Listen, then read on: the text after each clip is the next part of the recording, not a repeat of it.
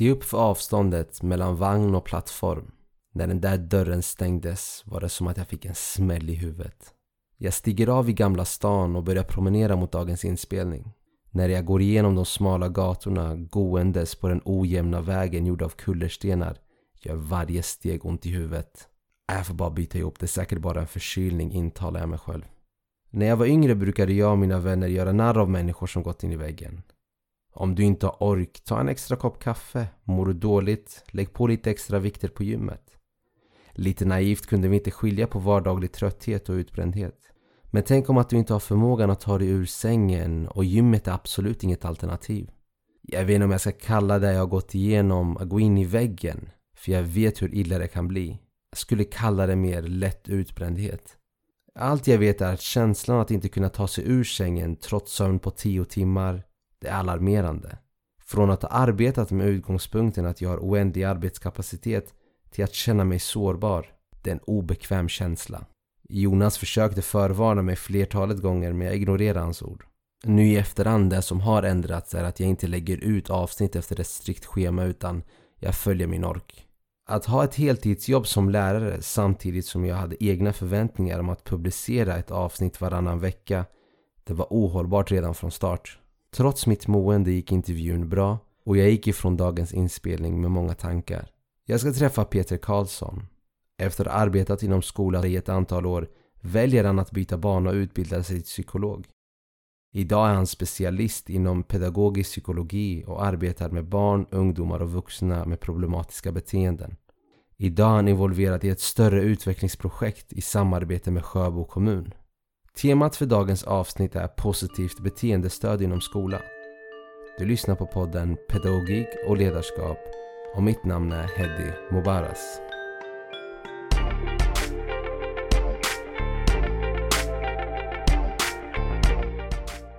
Peter Karlsson, jag är jättetaggad att du är med. I grund och botten är du utbildad psykolog. Och en intressant sak som jag ofta vill veta om mina gäster är så du läser en grundutbildning inom psykologi. Sen antar jag att man eh, inriktar sig med tiden. Varför väljer du då att fokusera på barn och ungdomar? Alltså egentligen så är min, min väg är ju egentligen krokigare än så. För jag är från början lärare och förskollärare. Eh, så jag gick på lärarhögskolan direkt efter gymnasiet. Eh, och jobbade inom förskolan kanske ett halvår. Tyckte inte att det var jättekul att jobba i vanlig barngrupp. Jag gillar jättemycket att jobba med barn. Eh, men fastnade ganska snabbt för de här ungarna som har större svårigheter, större utmaningar. Eh, och den vägen började jag jobba med, alltså inom flyktingmottagande. Eh, jag jobbade på bland annat på de här, bland de första boendena för ensamkommande som fanns på vad var det, 80-talet. Då fanns det sex boenden för ensamkommande i hela landet. Oj! Eh, så det var Jämför lite annorlunda. Precis. Jobbade med eh, behandlingsförskola, har jobbat på BUP, på liksom, avdelning, har jobbat på boende för personer med autism, har jobbat ute på kollo, behandlingskollo ute i Stockholms skärgård. Och insåg så småningom att ja, men som förskollärare kommer jag inte längre. Eh, antingen så utbildar jag mig till specialpedagog Eh, men då tänkte jag, äh, jag tar liksom klivet fullt ut och så sökte jag till psykologprogrammet och kom in så småningom. Det var inte så lätt att ta sig in på så att liksom barnfokuset, barn och ungdomsfokuset hade jag liksom långt innan jag blev psykolog.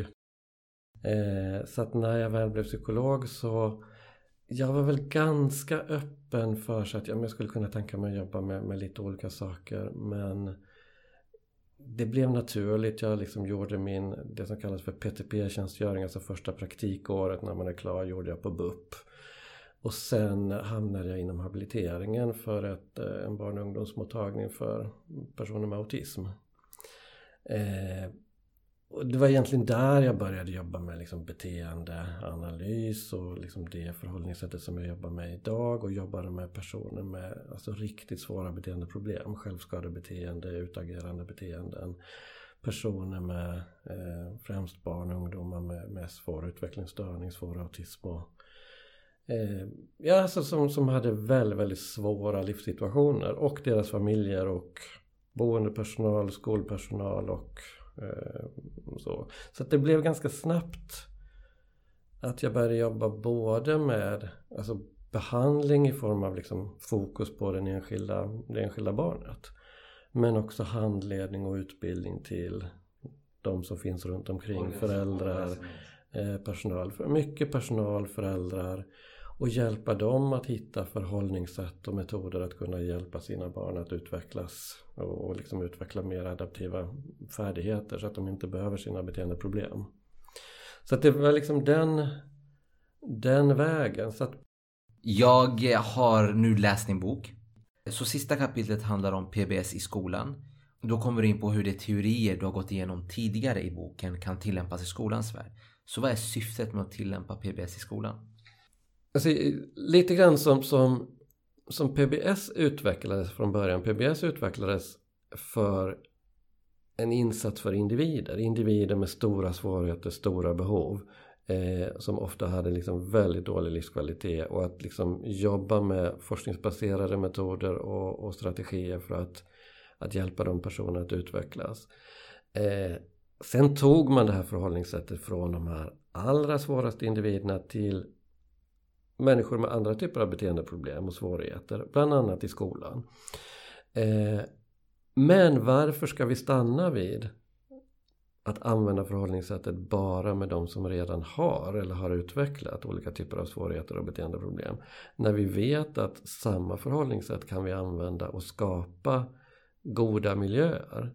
Om, om vi använder oss av det som vi vet är bra för de flesta ungar och så inför vi det på liksom organisationsövergripande nivå.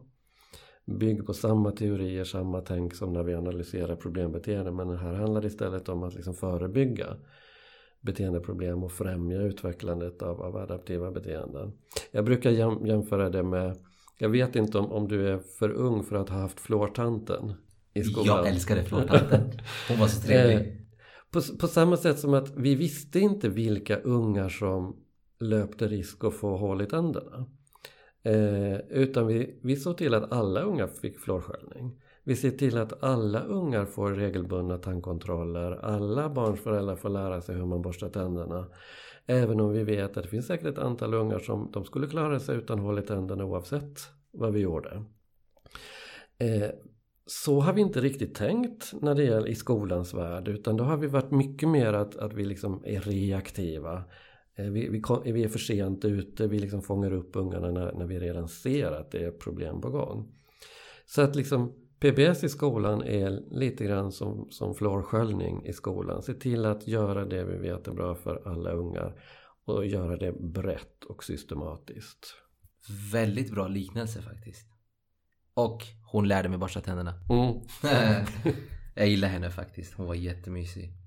Så hela kapitlet i slutet utgår från där. Du skriver att PBS förebyggande arbete uppbyggs från ett lager på lager-tänk. Mm. Kan du utveckla det lite? Dels så, så, så alltså det finns en bas eh, som handlar om att strukturerat jobba med ett antal kärnkomponenter kan vi kalla det som alla lärare på hela skolan, eller inte bara lärare utan alla vuxna på hela skolan behöver tillägna sig och som ska nå ut till alla elever. Som handlar om att skapa tydliga förväntningar för eleverna i alla sammanhang. Och då är det inte bara liksom fem klassrumsregler som sitter upptejpade på någon baksidan av någon dörr någonstans. Utan det handlar verkligen om att jobba igenom. Vad har vi förväntningar i matsalen? Vad har vi förväntningar på stora fotbollsplanen, i medieteket och så vidare. Nu är du inne på steg nummer ett här, Ja, va? på basnivå. Det som ska nå alla elever. Eh, och sen också vad, eh, hur skapar man, för det är de förväntningar vi ska ha på ungarna. Eh, och de ska vara liksom höga och tydliga. Eh, men sen handlar det också om hur skapar vi förutsättningar för ungarna att lyckas med sina förväntningar. Det vill säga vad är det för förväntningar vi har på vuxenvärlden i skolan för att ge ungarna förutsättningar. Och det handlar om att vi måste skapa, eh, liksom, jobba med, med miljön, den fysiska miljön, jobba med våra rutiner. Eh, jobba med relationer, eh, alltså det som är, är, basen i själva strukturen. Vi måste se till att ungarna kan det som vi förväntar oss av dem. Vi behöver liksom Förväntar vi att ungarna står liksom lugna och tysta i matsalskön? Ja men då måste vi ha tränat så att vi vet att de kan det. Eh, och inte bara bli arga när de inte gör det. Eh, hur duktiga är vi på att ge positiv feedback? Får ungarna veta när de gör rätt? Eller får de bara veta när de gör fel? Eh, hur duktiga är vi på att vara liksom uppmuntrande och liksom fånga ungarna när de gör på förväntat sätt och inte bara när de gör fel? Och sen sista komponenten handlar om att ha systematiska strategier för att hantera beteendeproblem. Därför att oavsett hur, hur bra vi än jobbar förebyggande så kommer vi ha beteendeproblem att hantera. Och det tycker jag många lärare beskriver idag att det är sällan speciellt systematiskt. Man blir ofta ganska själv som lärare och man ser eh, framförallt allvarliga beteendeproblem så, så blir man lite själv i att hantera dem. Man blir som en brandsläckare. Ja, dels det, men man, man är inte heller säker på att man har sina kollegors och rektors stöd i att hantera det och att vi kommer liksom hantera det på samma sätt. Så att den är en, en viktig del att liksom ungarna ska veta också att dels att de får massa positiv feedback när det funkar men de ska också veta vad som händer om man bryter mot. Eh, sen behöver man också jobba med att kunna släppa en del små skitbeteenden. Vi behöver inte agera på allt. Eh, utan vi ska agera på det som är allvarligt och som vi inte kan acceptera. Det här är liksom basnivån. Den, den behöver man ofta jobba med. Liksom att få med hela lärarkollegiet, arbetslagen, rektor. Att Då är det ju äh, flårtandstänket här. Det är alla här. Nu är vi på steg nummer två. Och det är åtgärder som riktar sig till mindre antal elever som löper risk att utveckla problematiska beteenden. Så vad är syftet med det här steget? Syftet är... Alltså dels så vet vi att oavsett hur mycket fluorsköljning vi jobbar med så kommer en del ungar att liksom utveckla sämre tandhälsa och på samma sätt i skolan så finns det en del ungar där det här liksom bas, basförhållningssättet inte räcker. Eh, som, som bryter mot regler som, som liksom inte riktigt smälter in socialt och så. Tanken med det här förhållningssättet är att de ska fångas upp tidigt. Inte att det ska hinna gå för långt. Jag, jag tycker ibland när jag handleder ganska mycket skolpsykologer och, och det är ofta elevärenden som vi pratar kring. Eh, och det händer ibland att, att det dyker upp ett elevärende på en handledning. Sen dyker samma elevärende upp liksom nästa termin. Och det har inte hänt någonting. Ja, men vi, det, det har vi inte hunnit få till några möten och läraren har inte haft tid och BUP hade inte tid att träffas. Då har det gått ett halvår i ett barns liv. Det är helt orimligt tycker jag. Så tanken med de här insatserna på den nivån är att de ska vara ganska enkla att ge ungarna. De ska inte bygga på supernoggranna kartläggningar och testningar och bedömningar och, och så utan ofta gruppbaserade. Det kan handla om sociala färdighetsträningsprogram eh, där man liksom snabbt kan fånga, in, fånga upp de här ungarna. Det finns ett, en strategi som heter check-in, check-out. Eh, som jag, jag tycker är, är liksom ett ganska enkelt användbart sätt att ungar som behöver lite mer vuxen, tätare vuxen kontakt och vuxen feedback. De får någon, någon särskild vuxen som de checkar in med på morgonen. Eh, och sen i själv, om man ska göra det by the book så, så ska de liksom ha rapportkort och få feedback från alla lärare under dagen och sen checkar de ut med sin vuxen på eftermiddagen och får feedback på sina beteenden. Eh, det funkar ju inte för ungar som redan har utvecklat svåra beteenden men ungar som är i riskzonen som gillar vuxenkontakt kan det vara liksom en, en superteknik bara att liksom, ja men du får lite mer vuxenstöd än, än dina kompisar. Också att man då systematiskt kan jobba med, okej okay, vad är det du behöver tänka på idag? Hur ska, hur ska vi få det här att, att funka lite bättre? Mm. Så att man får, får både feedback men också lite pushning på de, de sakerna man behöver jobba med. När jag läser om den här check-in check-out så jag tänker att det är väldigt viktigt att man börjar väldigt tidigt med den. I mm. tidig ålder. Mm. Alltså börjar man med den här i nian med en person, med en elev som har utvecklat eh, så problematiska beteenden, då, då är det för sent. Då, ja, jag tycker inte det. Men det här, årskurs 6, 5, till och med 7, jag tror det här kan vara riktigt bra faktiskt. Och framförallt, för det som är viktigt med med de här nivåerna, nu har vi pratat om nivå 1 och nivå 2 och sen kommer nivå 3 också. är att, att det verkligen ska vara rätt insatser till rätt elever. Det vill säga att insatserna på nivå 2 de ska vi inte försöka med på de ungarna som vi redan vet har jättestora beteendeproblem. Eh, som redan liksom har börjat tappa skolkontakten, som kanske har utvecklat kriminella beteenden eller antisociala beteenden. För där vet vi att ja, men det räcker inte med lite gruppbaserade light-insatser på dem. Men tyvärr är det ganska ofta så det ser ut att de ungarna som skulle behöva få insatser på nivå 2 de får inga insatser alls för de har inte tillräckligt stora problem. Och de ungarna som redan har utvecklat stora beteendeproblem de får light-insatser som alla, alla egentligen vet att det här kommer inte att räcka. Eh, så att vi, vi, vi, slösar ganska mycket energi och, och, och, tid på och resurser på att ge fel insatser till fel ungar. Men framförallt det skapar mycket frustration som går ut över de andra eleverna. Ja men det går ut över alla. Det går, går ut över, över lärarna som, som liksom får alltså väldigt låg tillfredsställelse i arbetet. Därför att man, man, man kan inte göra sitt jobb.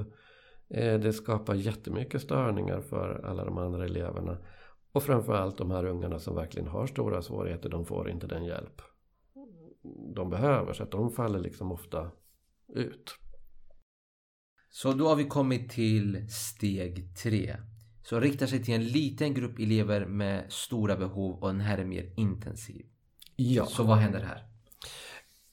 Alltså jag tänker att, att det här är egentligen de ungarna som elevhälsan, SOS, BUP, alla har, har liksom jobbat med. Som kanske går i särskilda undervisningsgrupper och så. Som man har jobbat med eh, alltid. Eh, och kanske inte lyckas så himla bra med. Jag skulle säga att de ungarna i toppen på pyramiden de drar ganska mycket resurser. Eller de drar väldigt mycket resurser. Men jag vågar nog påstå att vi inte hjälper dem speciellt bra. Och det handlar om, om två saker tänker jag.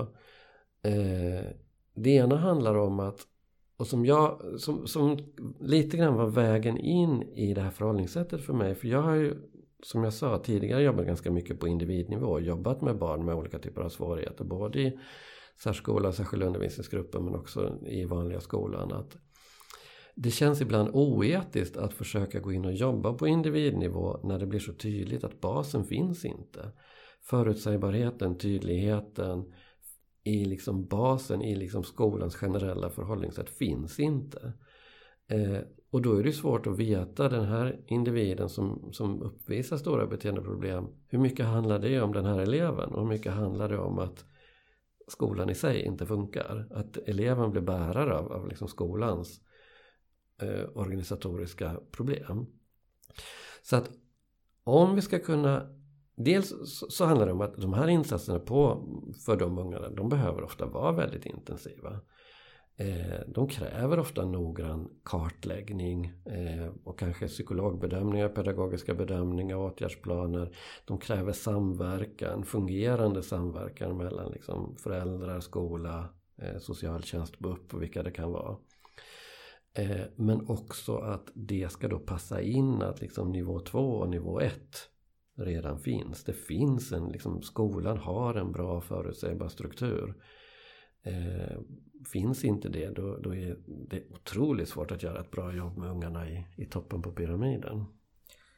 Jag tror många skolor åtminstone försöker med 1 och 2. De försöker med 1 och 2. Men jag tror majoriteten av skolorna hoppar över det sista steget på grund av resursbrist. Mm. Hur, hur har det sett ut i skolor du har gått ut till? För det är inte många som ens har en kurator på heltid. Och elevhälsan kanske inte är så utvecklad som den borde. Hur är din analys av nuläget? Men alltså, jag är inte säker på att jag håller med att skolor... För jag tänker att ett skäl till att vi har många ungar som har behov av nivå 2 och 3 eh, är att, att jag inte tycker att skolan generellt jobbar tillräckligt systematiskt med att skapa en, en liksom förutsägbar tydlig struktur konsekvent bemötande, liksom en, en organisation där alla vuxna jobbar tillsammans. Eh, och att man har ett gemensamt förhållningssätt och, och gemensamt kommer fram till de här olika förväntningarna man ska ha i olika situationer. Gemensamt upprätthåller. Utan jag tänker att läraryrket fortfarande är ganska individualistiskt. Eh, jag som lärare sköter mitt klassrum och även om, om man idag jobbar mera i arbetslag så är det fortfarande så att, att att en hel skola ska komma fram till ett gemensamt förhållningssätt där alla lärare bestämmer sig för att vi ska starta våra lektioner på samma sätt. Vi ska upprätthålla samma förväntningar i matsalen oavsett om det är du som är där eller om det är jag som är där så, så är det samma förväntningar eleverna ska få på sig. De ska, ska liksom möta samma typ av feedback oavsett vilken vuxen de möter. Eh, det sitter ganska långt inne. Eh, och, och det, det, är väldigt mycket det det handlar om. Att införa PBS i skolan det är liksom ett arbete på organisationsnivå.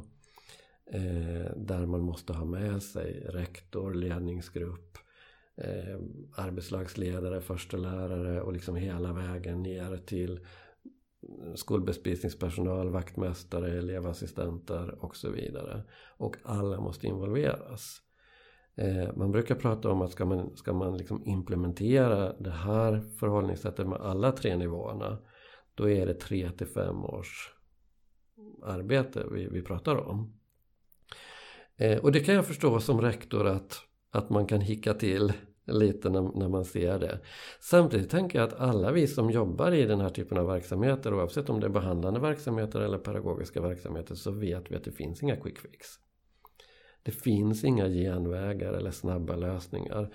Eh, utan ska vi förändra en, en, en liksom organisationskultur det måste få ta tid och det är där jag tror att vi men hur ofta har, har inte liksom verksamheter, skolor och andra man skickar några personal att gå en kurs och så hoppas man att nu ska vi jobba på det här sättet. Det händer ju inte. Utan man måste vara tillräckligt många och man måste få tillräckliga resurser och man måste få tillräckligt mycket tid att jobba tillsammans för att utveckla det. Så egentligen, om man gör saker och ting rätt så ska man inte ens behöva komma till steg tre? Jo, ett litet antal elever kommer att ha stora svårigheter men förhoppningen är att dels att de ska vara mycket färre. Därför att vi har jobbat så mycket mer med det, bättre med det förebyggande. Men också att de insatserna på steg tre riktade insatser. De ska passa in i liksom en redan fungerande bas. Så att vi ska ha större chans att också lyckas med de insatserna jämfört med hur jag tror att det ser ut idag. Så du har fått ett uppdrag i Sjöbo och är det en skola, är det en kommunnivå? Nej, där, där, det är faktiskt första gången i, i, Sverige där vi jobbar med en hel kommun. Så att nu är det inte en jättestor kommun, eh, de har sex eller sju skolor, men då kommer vi att jobba med att, att dels utbilda all personal. De har en lite annan organisation, de är en liten kommun så de har en familjeförvaltning istället för att ha en utbildningsförvaltning och en social förvaltning. Eh, så att vi kommer att jobba med att införa PBS i alla skolorna. Och det är från F-klass upp till, eh, till högstadiet. Även grundsärskolan kommer vara med. Eh, vi har börjat med att utbilda all personal så att jag har nog föreläst för kanske 600 personer. Huvudsakligen skolans personal men även förskolans personal. Och socialtjänstens Eh, och, och förvaltningarnas personal. Jag har träffat politikerna i nämnden eh, jag har träffat ledningsgruppen. Så att det, det är verkligen förankrat liksom från politikernivå hela vägen eh, ner. Så att vi har, tänker jag, liksom lagt en ganska bra grund för att och, och det, vi har ett avtal på minst tre år. Så att liksom minst tre år kommer det att ta att göra det. Så, så vi har tid på oss, vi har resurser. Vi har alla viktiga personer. Det blir ett intressant pilotprojekt här att följa faktiskt. Ja, det, det som är jättetråkigt är att vi hade egentligen eh, ett universitet som skulle utvärdera det eh, och sen bara någon månad innan vi skulle starta så hoppade kontrollkommunen av. Så att eh, projektet föll. Så det kommer tyvärr inte att, att, att forskas på. I den här. Sen är tanken att när vi kommer till nivå 2 och 3 eh, där har vi ett guldläge just i den här organisationen de har att då finns ju socialtjänsten i samma förvaltning som skolan. Vilket gör att vi kan ha, liksom, förhoppningsvis få till bättre samverkan kring de eleverna som har större behov. Eh, och där eh, är förhoppningen att vi ska kunna koppla på forskning. Eh, Speciellt när det är så liten kommun. Jag tror det kan bli riktigt bra där mm. faktiskt. Ja, men det, man märker ju det. Det är ju annorlunda att jobba i en kommun med, med liksom sex, sju skolor jämfört med Stockholm, Stockholm där liksom varje stadsdel har ju fler skolor än så. Och de liksom beslutsprocesserna är ju helt Många led. Ja, jag vet inte om jag skulle få komma till nämndens eh, möte nej, med politikerna nej. i Stockholm. Men, men i Sjöbo var det ingen det, det var liksom viktigt att det förankras. Jag kommer följa det här i alla fall för att se hur det blir i praktiken. Jag tror det kan bli riktigt intressant att följa. Jag brukar ju avsluta podden med två frågor. Mm. Och det är, första är, vad innebär pedagogik för dig? Alltså det, när jag funderade lite på det eftersom jag visste att, att du ställer de här Kanske frågorna. Switch it up. eh, så tänkte jag, ja men jag tänker att det finns två delar i det här med liksom pedagogik eller lärande eller vad vi nu vill kalla det. Det ena handlar ju om, den ena sidan är att lära ut. Den andra sidan är att lära in, alltså mottagaren. Eh, och jag tänker nog att just det här att lärande har ju inte skett förrän någonting har gått in i mottagaren. Eh, och jag tror att lärare som jobbar med, med små barn är ofta liksom väldigt medvetna om det här och, och, följer upp det här på ett annat sätt. Har Kalle lärt sig läsa? Har Kalle lärt sig skriva? Eh, det känns som att ju längre upp i utbildningssystemet man kommer desto mer fokus blir det på att den som utbildar får ur sig sitt. Skitsamma hur mycket som har gått in eh, hos mottagaren. Eh, och framförallt pratar vi på universitetsnivå. Då är liksom, har föreläsaren fått visa sina powerpoints. Ja, det var verkligen så. Eh, men hur mycket har gått in eh, hos studenterna? Och, och jag tänker ändå att fokuset bör ligga på det har inte skett något pedagogiskt arbete förrän vi har säkerställt att någonting faktiskt har gått in och landat och lett till någon form av förändring hos mottagaren. Intressant. Och vad betyder eller innebär ledarskap för dig?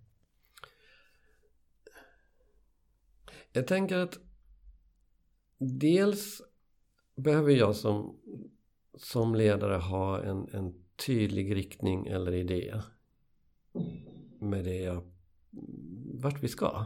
Vart är vi på väg? Eh, och sen kan den idén vara någonting jag har skapat själv eller det kan vara ett uppdrag jag har från någon annan. Men jag behöver ha liksom en, en tydlig idé med det. Och alltså hur får jag dem, dem jag leder med mig? Eh, hur får jag dem att välja eh, att, att liksom följa mitt ledarskap? Eh, inte, man pratar ibland inom, inom PBS och inlärningsteori om, om positiv eller negativ förstärkning. Det vill säga beter jag mig för att jag får, får ut någonting av mitt beteende eller beter jag mig mest för att slippa ifrån någon form av obehag? Och jag tänker att kan vi leda genom positiv förstärkning, det vill säga att eh, det upplevs som, som positivt och jag vinner eller jag, jag, får ut någonting av att, att medverka eller göra det här. Då upplever jag också att jag själv väljer. Eh, och det är någonstans det jag vill att, att, att ledarskapet ska, ska liksom kunna skapa förutsättningar för de eleverna i det här fallet att, att välja att medverka, inte att känna sig liksom tvingade eller att de gör det bara för att annars får de skit för, för att de, de inte gör det. Superbra. Tack för att du ville vara med. Tackar. Jättekul att vara med. Jag och min medproducent Jonas Edlund vill tacka dig som har lyssnat, delat våra inlägg och framförallt rikta ett stort tack till Peter Karlsson för dagens intervju. Det här är det sista avsnittet för i år och podden kommer fortsätta i januari. Men då kommer vissa förändringar att tillkomma. Och vi ses då.